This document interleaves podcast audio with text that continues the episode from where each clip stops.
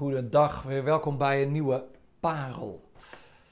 Een week geleden, zoiets, ik weet niet, mijn vorige parel, daar stond het woordje Hineni bij. U mag hem terugkijken als u het gemist heeft. Uh, Hineni betekent hier ben ik, hier ben ik. En ehm, dat was eigenlijk rondom het verhaal van Adam die zich voor God verstopte en niet zei hier ben ik. Ik wil eigenlijk uh, vandaag met jullie kijken naar nog een verhaal van iemand die zich voor God verstopt. Een leider die eigenlijk zou moeten zeggen: Hier ben ik, Hineni. Uh, en in plaats daarvan verstopt hij zich ergens tussen de bagage, tussen de koffers, dat je denkt: Oh, pijnlijk, pijnlijk verhaal. Dit verhaal wat ik met jullie wil lezen, gaat eigenlijk over de uitverkiezing tot koning van Saul. Het verhaal is pijnlijk op twee manieren. Het eerste is namelijk, um, ja, God wil eigenlijk niet dat Israël een koning wil. Maar Israël wil wel een koning. Uh, dus daar is wat getouwtrek. En God die zegt, ik wou dat jullie het niet wilden. Doe het nou niet, doe het nou niet, maar jullie willen het. Dus uh, ga je gang maar. Hè? Um, en dit is een beetje merkwaardig, omdat na Saul de grote mislukkeling als koning, laten we eerlijk zijn. Na Saul komt David en Salomo. En uiteindelijk komt uit de geslachtslijn van David en Salomo, de Davidische koningen, komt natuurlijk Jezus, koning van Israël ook. Uh, dus dat je denkt van, heer, wat is er toch tegen op koningschap? Hè? Hou eigenlijk wel van dat woord.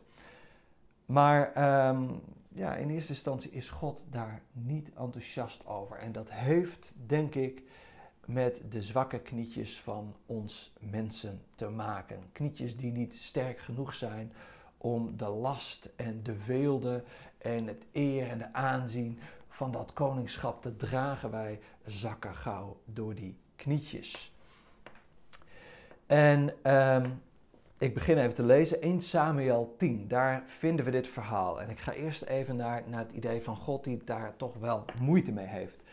1 Samuel 10, vers 17. Hierna riep Samuel, de profeet, op dat moment de leider van het volk, hè, dus dat, zo was dat ingericht, het volk als gewoon stamverband, stamoudsten, families. Uh, en een profeet, God zelf eigenlijk, geeft leiding aan dat volk. Hierna riep Samuel het hele volk Israël op om naar Mitzpa te komen. En gaf hun de volgende boodschap van de Heere.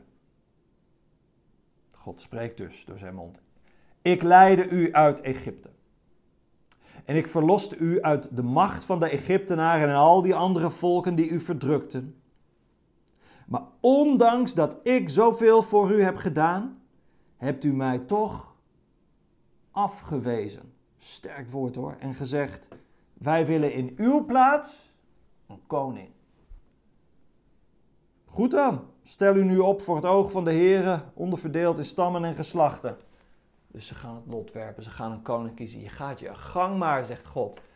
Ondanks wat ik allemaal heb gedaan, ondanks wie ik ben, wil je in plaats van mij, en ook het woord afgewezen, jongen, jongen, het is een sterke taal. En waarom is het nou dat God, die later toch koning David en het koningschap lijkt te omarmen, waarom is die nou zo dat hij zegt, je moet dit eigenlijk niet willen?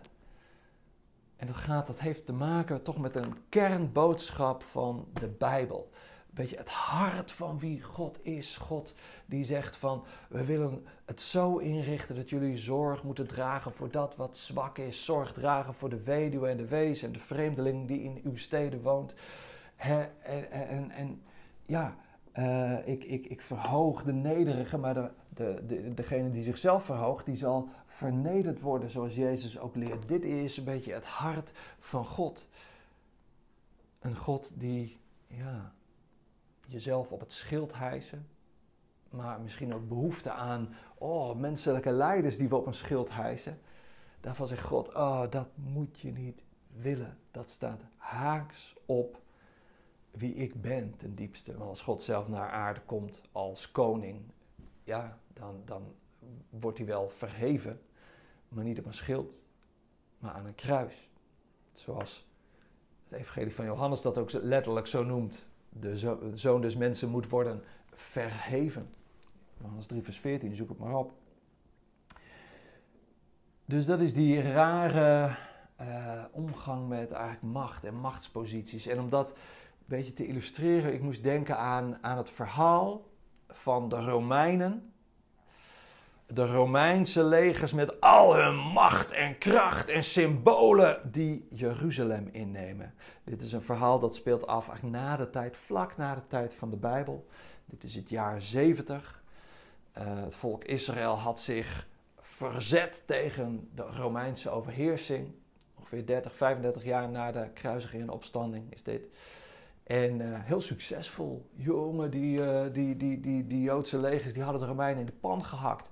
En, en er moest een werkelijk uh, ongehoord grote strafexpeditie. Kolonnes van legers moesten op Jeruzalem afgestuurd worden om die Israëlieten weer onder, de, hè, onder, onder het juk van Rome terug te plaatsen.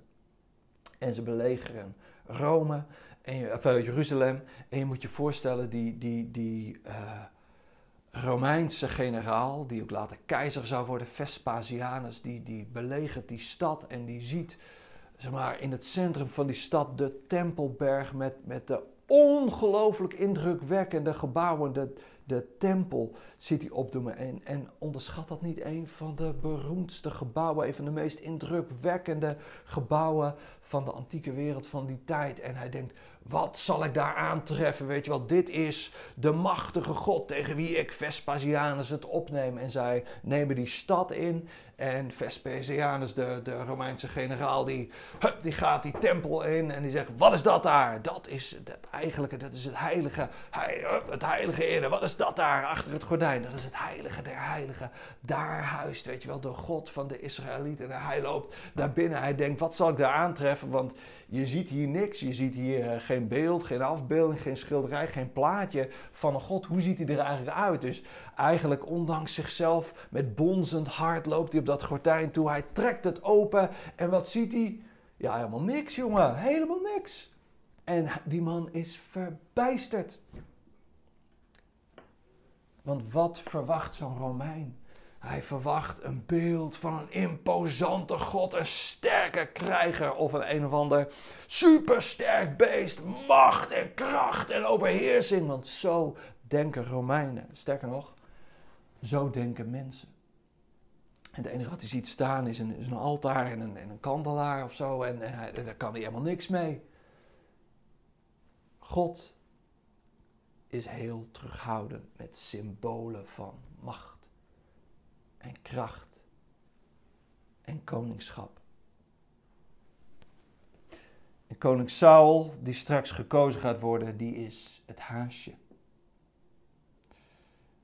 Het lot wordt geworpen en uh, deze, familie, deze stam, deze familie, dit huis. En op een gegeven moment, ja, het blijkt, het is Saul, de zoon van Kis. Ten slotte wees het lot Saul, de zoon van Kis, aan. Maar toen ze hem zochten, bleek hij nergens te vinden. Daarom vroegen zij de Heere, waar is hij? Komt hij nog tevoorschijn?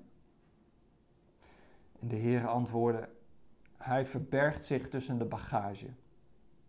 En ja, daar vonden ze hem. Daarop begaf hij zich te midden van het volk, waar hij met kop en schouders boven iedereen uitstak. En Samuel richtte zich toen tot de aanwezigen en zei: dit is de man die de Heer als uw koning heeft uitgekozen. In heel Israël is er niemand zoals hij. En het hele volk juichte de koning toe. Want ja, moet je kijken, daar staat een kerel, misschien wel twee meter lang, sterke spieren. Fantastisch. En voor het gemak vergeten ze even dat hij eigenlijk te bang was voor die taak en dat hij zich verstopt had en dacht van niet ik, niet ik, niet ik. En het is niet voor niets dat dit verhaal zo tot ons komt, want het is eigenlijk weer een les die ook hier aan ons geleerd wordt. Ook de manier waarop God beweegt in dit verhaal. Die zegt van jullie wilden een koning. Waar die is, daar zit hij tussen de bagage. Hij verstopt zich. En even later staan ze hem toe te juichen omdat hij twee meter lang is. Ja, daar zit iets heel pijnlijks in. Vooral pijnlijk voor Saul als we lezen hoe het verder gaat. Die man, voor je gevoel, hij is gedoemd te mislukken. arme Saul. Maar we kunnen er ook, denk ik, wat positiefs uithalen. Namelijk, hoe wil God werken? Hoe wil God niet werken? Niet door sterke symbolen en grote, sterke mannen. God wil werken in het verborgene. God wil werken in de stilte, in het kleine. En God wil ons leren om naar het kleine en het kwetsbare te kijken. En ga voor jezelf maar eens na, ben je daar goed in? Of ben je gauw onder de indruk van symbolen van sterkte en macht? Grote, sterke leiders?